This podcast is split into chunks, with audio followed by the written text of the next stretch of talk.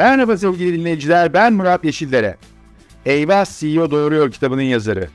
Toplumsal cinsiyet eşitliği aktivisti ve kadrolu podcastimiz. Çalışan kadınların doğurmasını gayet normal karşılayan podcast serimde başarılarıyla ilham veren kadınları konuk olarak ağırlıyorum.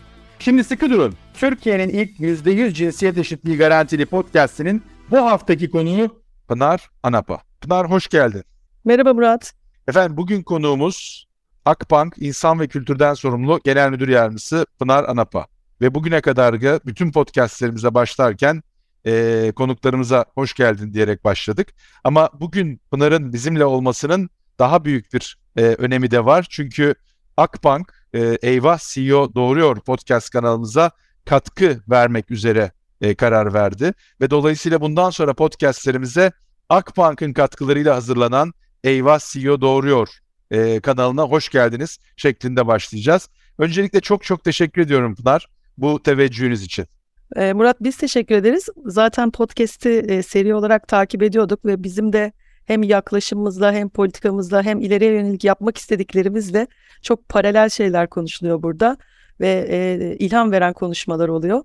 Ben bu podcast'i derdi olan insanların, meselesi olan insanların konuştuğu bir podcast olarak görüyorum. Senin de liderliğinde. Onun için e, bizim için de çok önemli bir işbirliği. Eminim çok daha fazla ilham veren konuşmalarla, konuşmacılarla e, bu alanda, bu önemli alanda e, konuşuyor, üzerine tartışıyor, öneri, fikir geliştiriyor olacağız. Harika, harika. E, bu anlamda da e, çok mutluluk verici. E, Akbank'ın 12 genel müdür yardımcısından 5 tanesi kadın. E, dolayısıyla bu anlamda da bence sektörde e, çok değerli bir e, rol modellik e, üstlenmiş durumda bankacılık sektörüne e, baktığımızda. Ben aslında önce e, insan ve kültürden sorumlu genel müdür yardımcısı yani insan ve kültür tanımından başlamak istiyorum. Çünkü e, ben birçok sektörde e, biliyorsun görev yapıyorum sadece bankacılıkta değil. E, insan ve kültürden sorumlu e, yönetici tanımını e, hani hiç duymadım desem doğru olur, yalan olmaz. E, doğru Murat haklısın. Yani şimdilerde biraz daha fazla var ama biz aslında 2019 yılında e, buraya bunu tekrar masaya yatırdık. İnsan kaynakları e, bana aslında bizim yaptığımız ve yapmak istediğimiz işi doğru anlatan bir ifade ve terim olarak gelmiyordu. Şimdi insan zaten her şeyin merkezinde insan var. Yani hep teknoloji konuşuyoruz, farklı altyapıları konuşuyoruz ama bunların hepsinin merkezinde insan var. Ee, insanın merkezine almamız ve onun çevresine aslında insanın istediklerini yapabileceği, kendisine yeni yollar, kendisine ve şirketine yeni yollar açabileceği, kendini gerçekleştirebileceği bir alan yaratmak için de kültürün onu desteklemesi gerekiyor. Bence aslında bundan sonra kurumları ileriye taşıyacak iki ana bileşken insan ve insanın kendisini gerçekleştirmesine imkan verecek bir kültür. Şimdi biz bunu 2019'da böyle çok tartışmıştık ve ondan sonra buna dönmüştük. Pandeminin başlangıcıyla aslında ne kadar doğru bir yolda olduğumuzu gördük. Çünkü ben hep pandemi için şunu söylüyorum.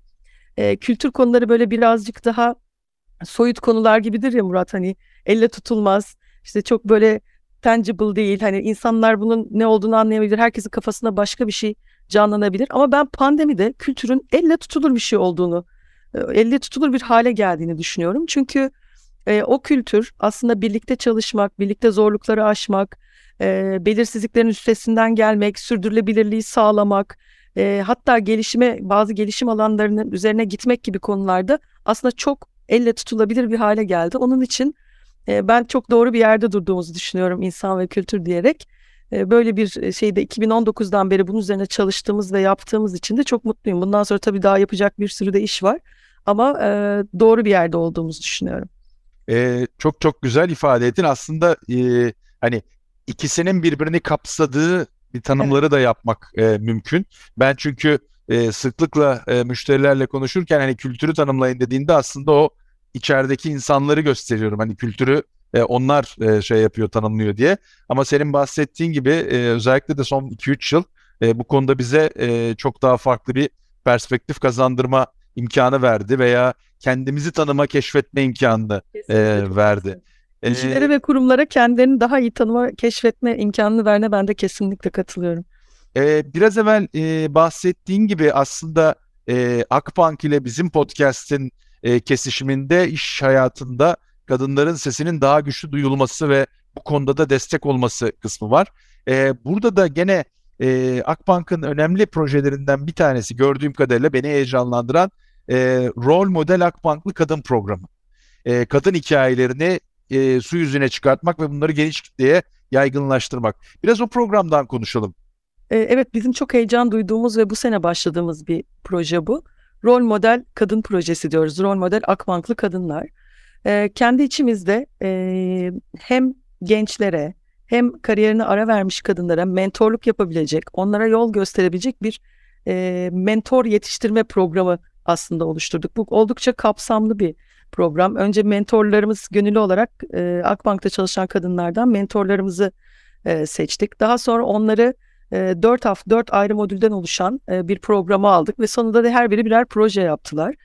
E, o projelerde aslında kadının iş yaşamında ve sosyal yaşamdaki e, rolünün arttırılması, sesinin daha güçlü çıkması, senin dediğin gibi toplumsal cinsiyet eşitliğinin sağlanması için neler yapılabilir? Çok farklı projeler geliştirdiler ve e, hani benim e, Akbank'ta çalışan kadınlardan aldığım geri bildirim hayatımızda çalıştığımız en güzel projeler. Çünkü insana dokunan, insana e, bir katkı sağlayan projeler. Dolayısıyla o içimizdeki amaç e, hissini de gerçekten destekliyor.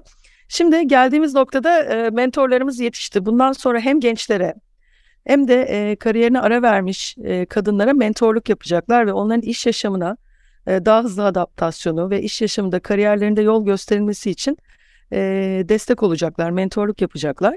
Biz şimdi buna küçük bir grup olarak başladık. E, biraz daha Akbank içinde başladık ama hedefimiz bunu çok daha geniş kitlelere yayabilmek. Yani aslında Akbank dışından da e, kişilere bu anlamda mentorluk verebilmek, e, mentor kadromuzu, mentor gücümüzü daha da arttırabilmek.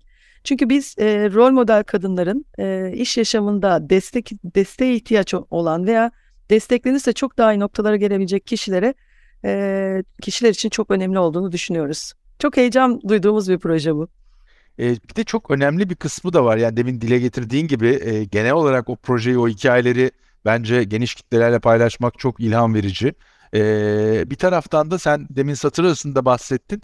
E, kariyerine ara vermiş. Özellikle işte e, doğum burada en önemli unsurlardan bir tanesi. E, anneler, anne adayları e, var.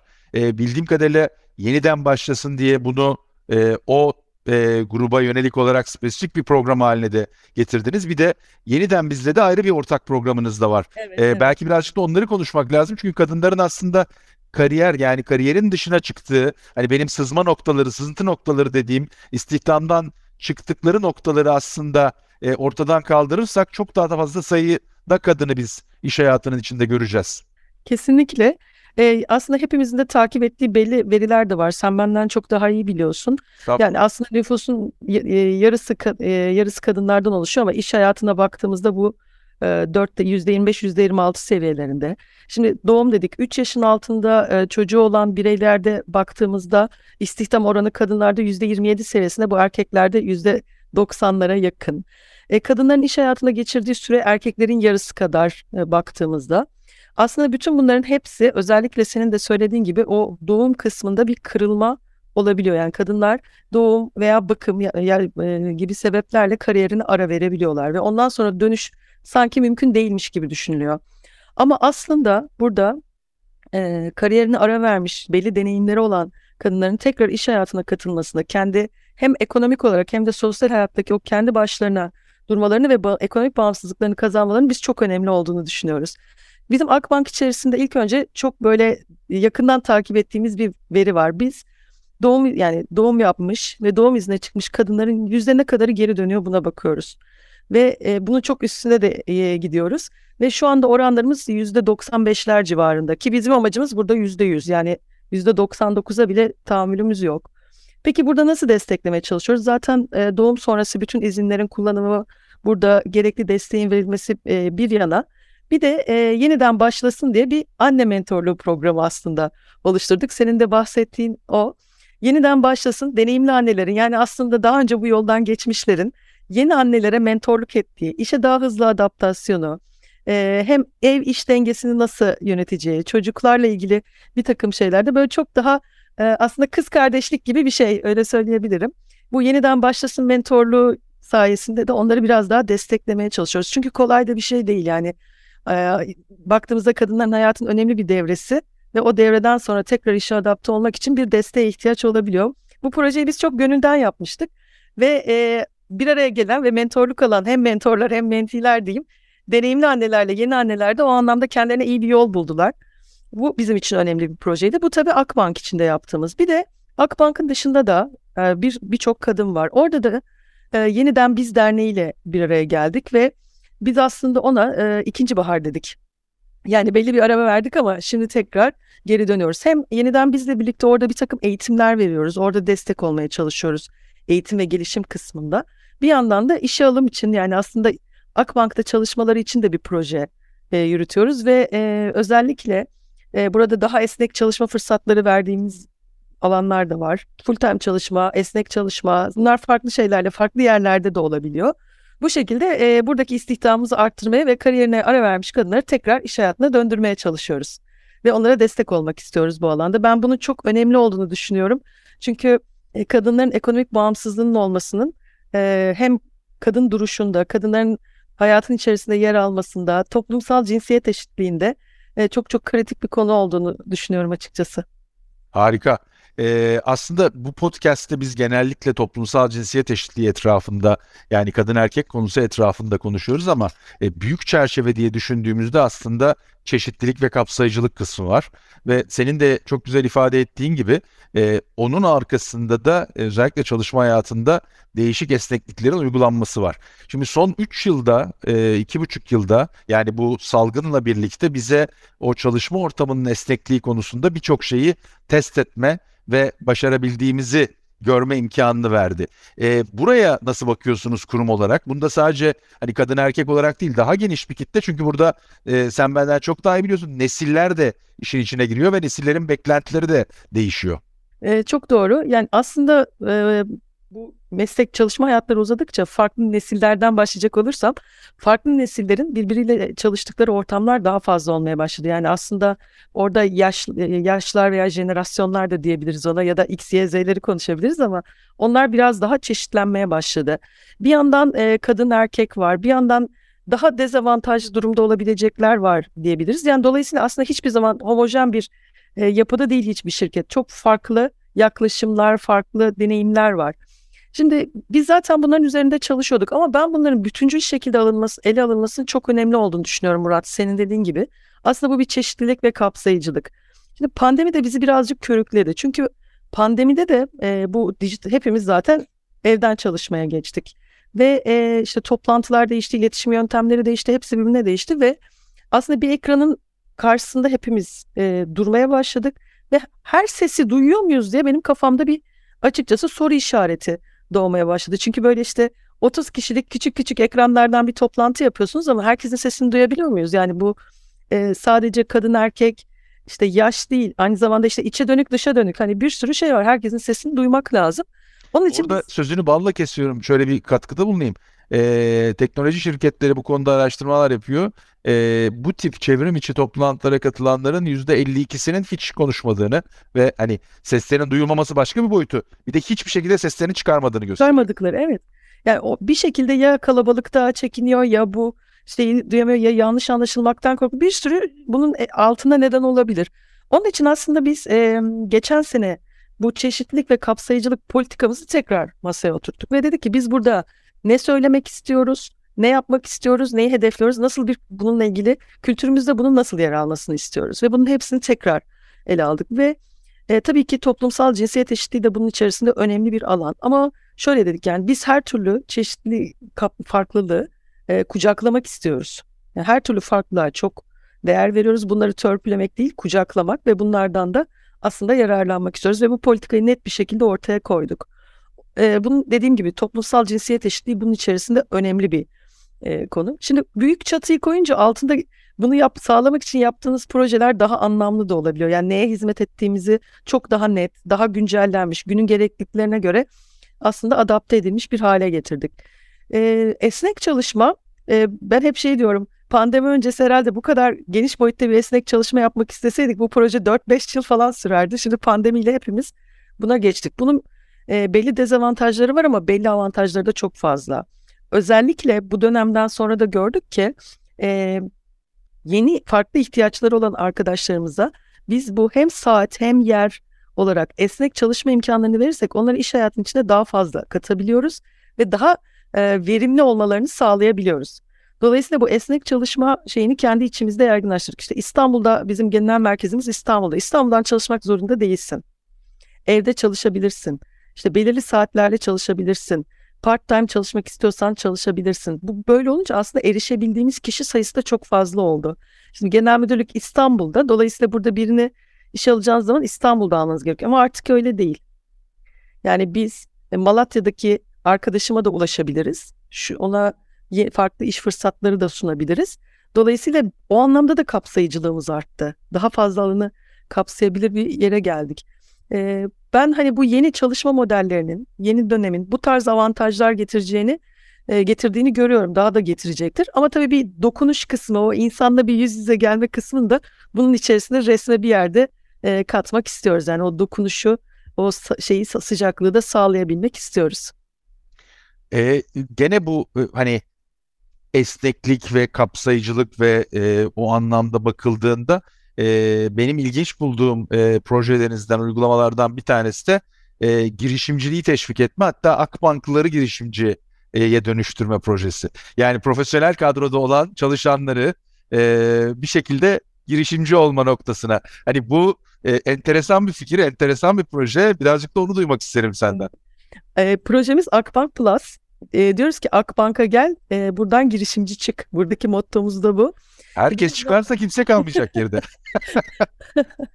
Ama destekleme yani bir şekilde biz bunun e, Akbank'ın e, ekosistemine çok fayda sağlayacağını düşünüyoruz. Çünkü e, girişimci olmak isteyen biri varsa zaten hiçbir yerde tutamazsın Murat. En azından biz onu Doğru. destekleyelim ve onun büyümesinde yardımcı olalım. Onun yanında olalım istiyoruz burada. Biz buna inovasyon merkezimiz var. Akbank Lab bu alanda gerçekten çok önemli projeler yapıyor. Banka içerisinde inovasyon kültürünün, yenilikçilik kültürünün sağlanması için de çok e, omuz omuza çalıştığımız e, bir merkez. E, aslında ikimizin ortak şeyiyle çıktı. Biz neden böyle bir şey yapmıyoruz? Bu bildiğim kadarıyla e, bir ilk. Yani çünkü ilk defa çalışanlarına işte sen burada girişimci ol, biz de seni destekleyelim. E, hem maddi hem manevi, e, hem maddi hem fikirsel destekleyelim ve senin yanında olalım dediğimiz ilk bir ilk proje. Şu an e, bu sene yeni başlıyoruz. Katılımcılar başvurmaya başladı. Buradaki amacımız da dediğim gibi yani bundan sonraki e, Akbank'la olabilirsin. E, her zaman Akbank'ta çünkü bu artık bunları görüyoruz. Akbank'ta bugün buradasın, yarın olmayabilirsin ama ondan sonra gün yine gelebilirsin. Yani bu Akbanklılık bizim için bir e, ne diyeyim kalıcı bir şey olsun. Bir, bir gün Akbank'ta çalışan hep Akbank'lı olsun ve biz Akbankların her daim yanında olalım. Bunun hem e, insan ve kültür politikaları açısından hem de bankanın diğer e, iş politikaları, business politikaları açısından da ben çok önemli çıktılar sağlayacağını düşünüyorum. Yani orada çok iyi fikirler çıkarsa bankanın dışında bankanın bir iş ortağı da olabilir. Keyifle onu çok çok bekliyoruz yani. Banka peki burada böyle bir e, hani kuluçka merkezi gibi de hareket evet. edecek mi? Hareket edecek evet. Yani eğer iyi fikirleri bankanın dışına çıkarıp bir girişim kurulacak. O arada biz destek de olacağız. Tabii şöyle bir şey olacak yani Akbank'ta çalışanlar mevcut işlerinin yanında bir de bu iş için çalışmayacaklar. Biz diyoruz ki eğer iyi bir fikrin varsa e, hani gir, o startup'ı kurana kadar da belli bir çalışma şeyin var. Sen mevcut işinden bırak sen burada çalış. Oradan kendi fikrin üstünde çalış diyoruz. Daha sonra da şirketin dışına çıkardığımızda da biz seni destekleyeceğiz diyoruz. Dolayısıyla böyle bir şeyimiz olacak. Şu an Akbanklılar için yapılan bir şey bu. Ama bunu e, biz biraz hep şey yapıyoruz. Önce Akbanklılar için yapıyoruz. İçeride deniyoruz. E, tamam biz bunu yapabildik dersek de bunu dışarıya açıyoruz. Yani Akbank dışına da açıyoruz. Şimdi bu Akbanklar için başlayan bir proje. Süper.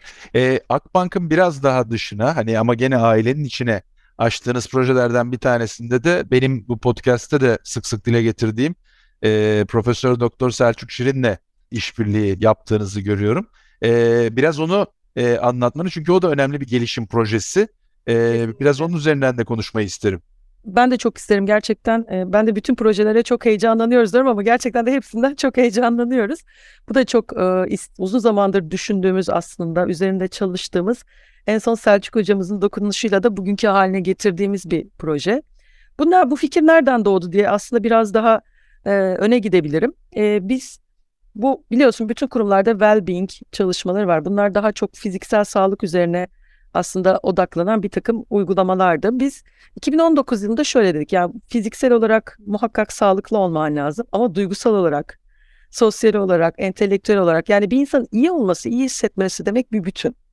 Tek başına e, bir noktada iyi olursan e, yetmiyor. Her şeyde kendini sağlıklı hissetmen lazım. Özellikle duygusal, psikolojik, duygusal olarak, psikolojik olarak iyi olmak, iyi hissetmek önemli. E, ve şöyle başlamıştık. İyi bir sen. Önce sen iyi ol. E, sen iyi olursan o zaman kendin için, ailen için, çevren için, kurum için, e, ülke için, dünya için iyi bir şeyler yapabilirsin. Bunun için kendine kendine yatırım yap, kendine zaman ayır. Ve bununla ilgili birçok e, proje, uygulama üretmiştik. Bir yandan da şunu da biliyoruz. E, insan çevresindekilerle birlikte de iyi. Özellikle aile burada, sevdikleri.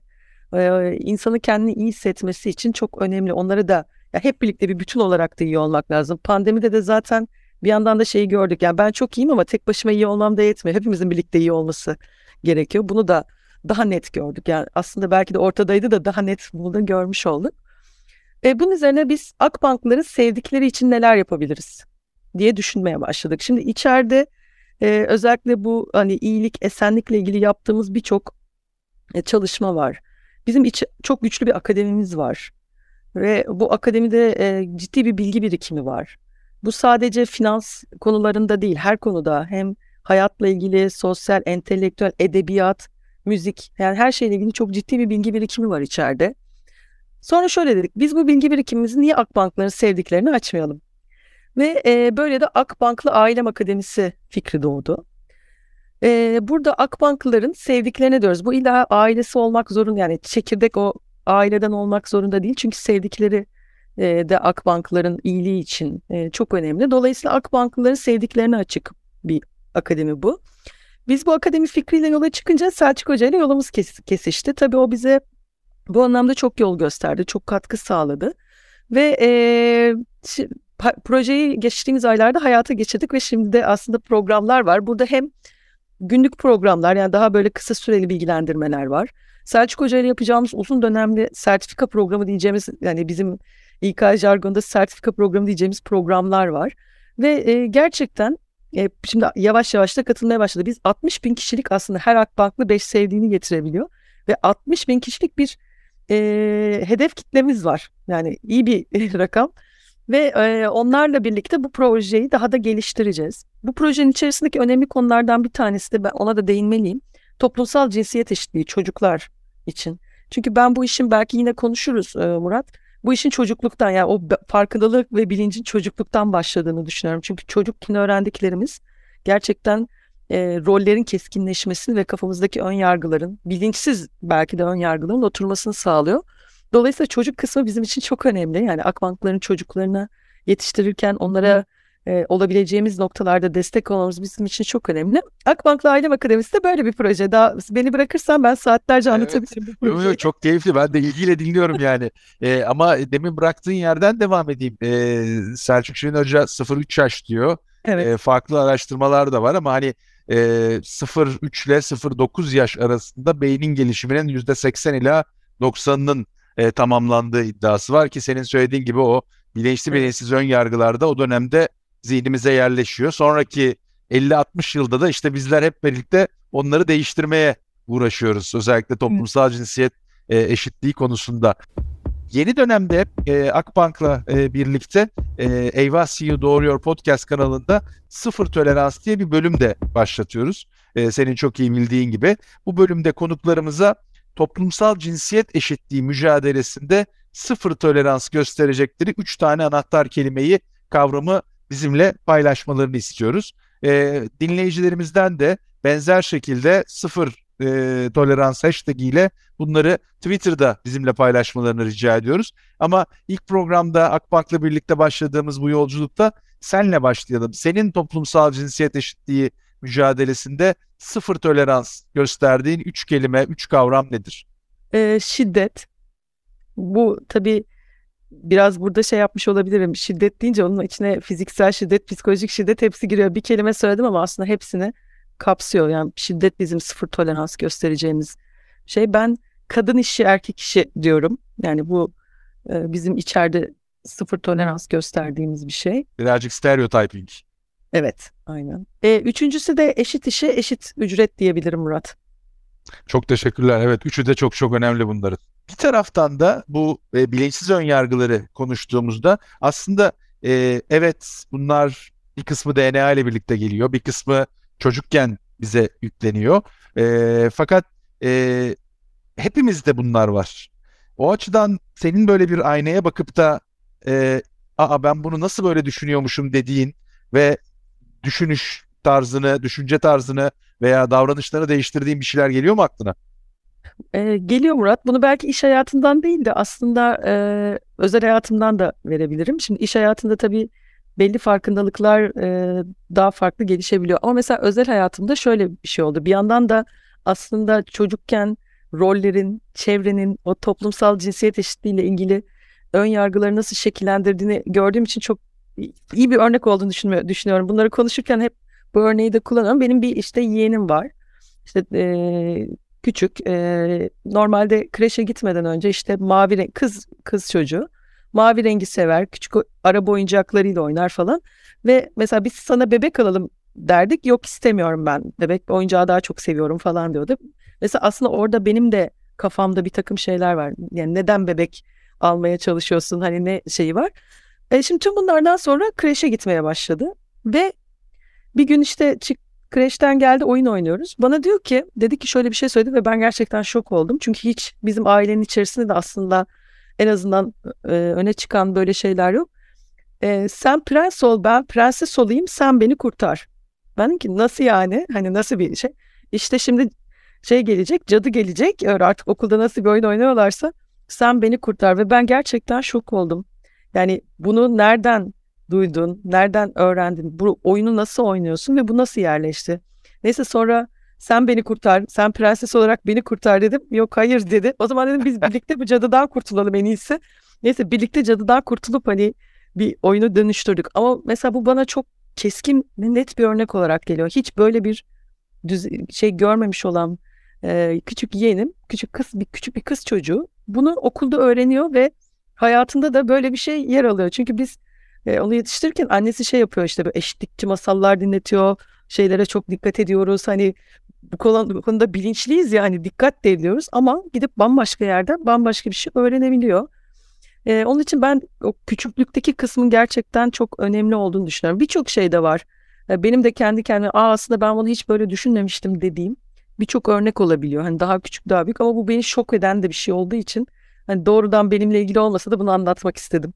Evet evet çok güzel bir örnek ve senin söylediğin gibi aslında hani biz demin e, aile içi, evin içindeki ortamı ve anne baba ve e, diğer aile üyelerinin ilişkilerinin etrafında bunu konuşuyoruz ama e, hayatımızda bir de bu hayatın akışını değiştiren işte televizyon gibi, evet. cep telefonu gibi, tablet gibi e, bir sürü şey var. E, dolayısıyla hani o tip yerlerde izlenen izlenmeyen televizyon kanalları, programlar, hatta reklamlar yani dolayısıyla bütün bunların hepsi o bahsettiğin e, ön yargıların yerleşmesine ya da oluşmasına e, sebep oluyor. Yani o anlamda çok çok haklısın. Peki e, toplumsal sen biraz evvel hani sayılarla ve bunun iş hayatına yansımasıyla ilgili e, durumu da e, ifade ettiğin için e, Türkiye'nin en büyük e, işverenlerinden bir tanesinin e, insan e, parantez içinde kaynakları bölümünün başındaki yönetici olarak e, bu bahsettiğin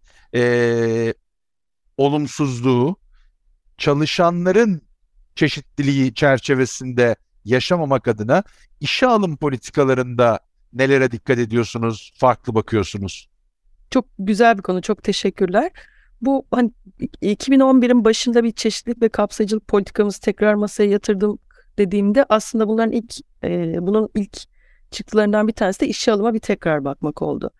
E, ve işe alım içerisinde de çeşitlilik ve kapsayıcılık politikamızın manifestomuzu bir daha yazdık. Tüm bu tabii sadece İK'nın işi değil, tüm liderlerin de katıldığı ve iş, o işe alım görüşmesine katılan, işe alım kararını birlikte verdiğimiz herkesin e, uyması gereken bir konu. Ve işe alımda toplumsal cinsiyet eşitliği diye böyle küçük eğitim e, gibi bir küçük bir bilgilendirme hazırladık. Bunu onların almasını sağladık. Özellikle işe alım kararı veren İK'da ve İK dışındaki yöneticiler. Bir de yasaklı sorular sorduk. Çünkü sen e, çok iyi biliyorsun. Şimdi mesela bir kadın e, adayla görüştüğü zaman e, kadın aday yeni evlenmişse hemen şu soru sorulur. Çocuk düşünüyor musunuz? Şimdi ama erkek adayla konuşurken bunu sormazsın.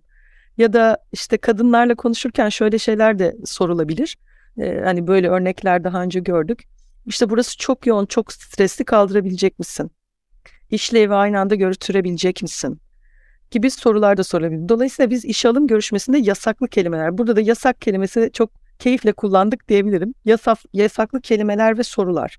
Bunları hazırladık ve e, sürekli olarak da hem İK içerisinde hem işe alım e, kararında etkili ve yetkili olan kişilerle bunları sürekli paylaşıyoruz, konuşuyoruz, workshoplar yapıyoruz. Çünkü ben o aşamada zaten bunun çok önemli olduğunu düşünüyorum. Yani orada bilinçsiz ön yargılar. Normalde sorsanız e, kadın erkek eşitliğine gönülden in- inanan birçok insan bu soruyu soruyor. Çocuk düşünüyor musun? Hani aslında biraz evvel konuştuğumuza da bağlantılı bu. Yani e, bir bunun hakikaten e, kötü niyetle sorulması var. Bir de o bilinçsiz ön yargı Evet, kapsamında hakikaten merak ediyor. Hani o lafın gelişinin oraya git diyeceğini hissediyor bazı insanlarda. E, bu soruları da yöneltebiliyor, yönlendirebiliyor. E, o anlamda işe alım kısmı bizim için kritik ve şeyde de bakıyoruz biz. İşte bir pozisyon olduğunda e, mesela bir sürü CV'ler biliyorsun search ediliyor, hazırlanıyor. Bunların kaçı kadın, kaçı erkek? Görüşmeye çağrılanların kaçı kadın, kaçı erkek? Çünkü bir pozisyon var. Hep erkekler görüşmeye çağrılıyorsa zaten hani orada bir e, eşitlikten bahsetmemiz mümkün değil. Bunlara hep bakıyoruz. Yani çok bir yandan da birçok göstergemiz var. Çeşitli ve kapsayıcılık anlamında diyebilirim. Sadece toplumsal cinsiyet eşitliği değil. 34 ayrı gösterge var. Biz şimdi her ay oturup bunlar nerelere geldi diye bakıyoruz ve herhangi bir e, anomali varsa da müdahale etmeye çalışıyoruz. Ve bunlar dediğim gibi işe alımda özellikle kaç kişiyle görüştün, kaçı kadın, kaçı erkek. Kaçına teklif verdik, kaçı kadın, kaçı erkek. Hangi pozisyonda bir de, de pozisyon detayına kadar bu inebiliyor. Çünkü eşit fırsat diyorsan o zaman zaten o em oradan başlıyor.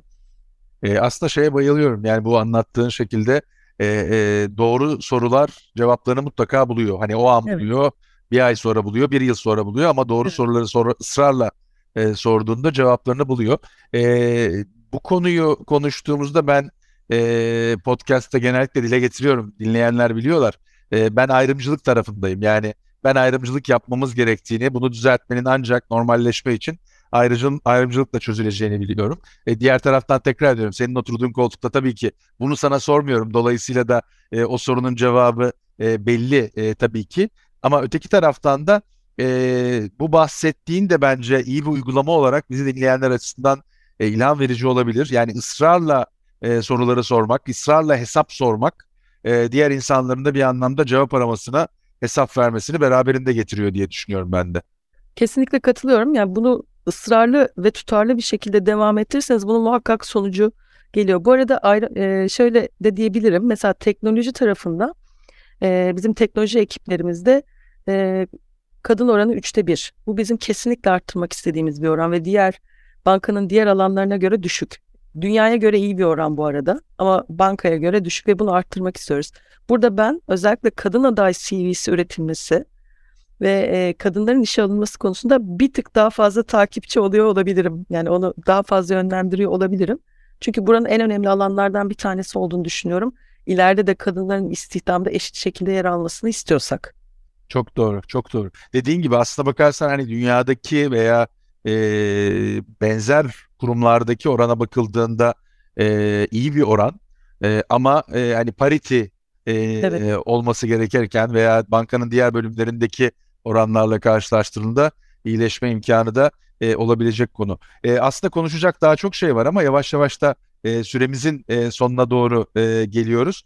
E, belki bir şunu sormak isterim çünkü önemli bir e, finans kurumunda e, lider e, koltuklardan bir tanesinde oturuyorsun ve demin de bahsettiğin gibi hani bankanın uygulaması olarak da e, biliyorum ki senin kişisel e, kendi temasların çerçevesinde de birçok e, kariyerinde ilerleme e, arzusu, çabası içindeki e, genç e, veya e, daha az genç e, kadınla, profesyonelle e, bir araya geliyorsun.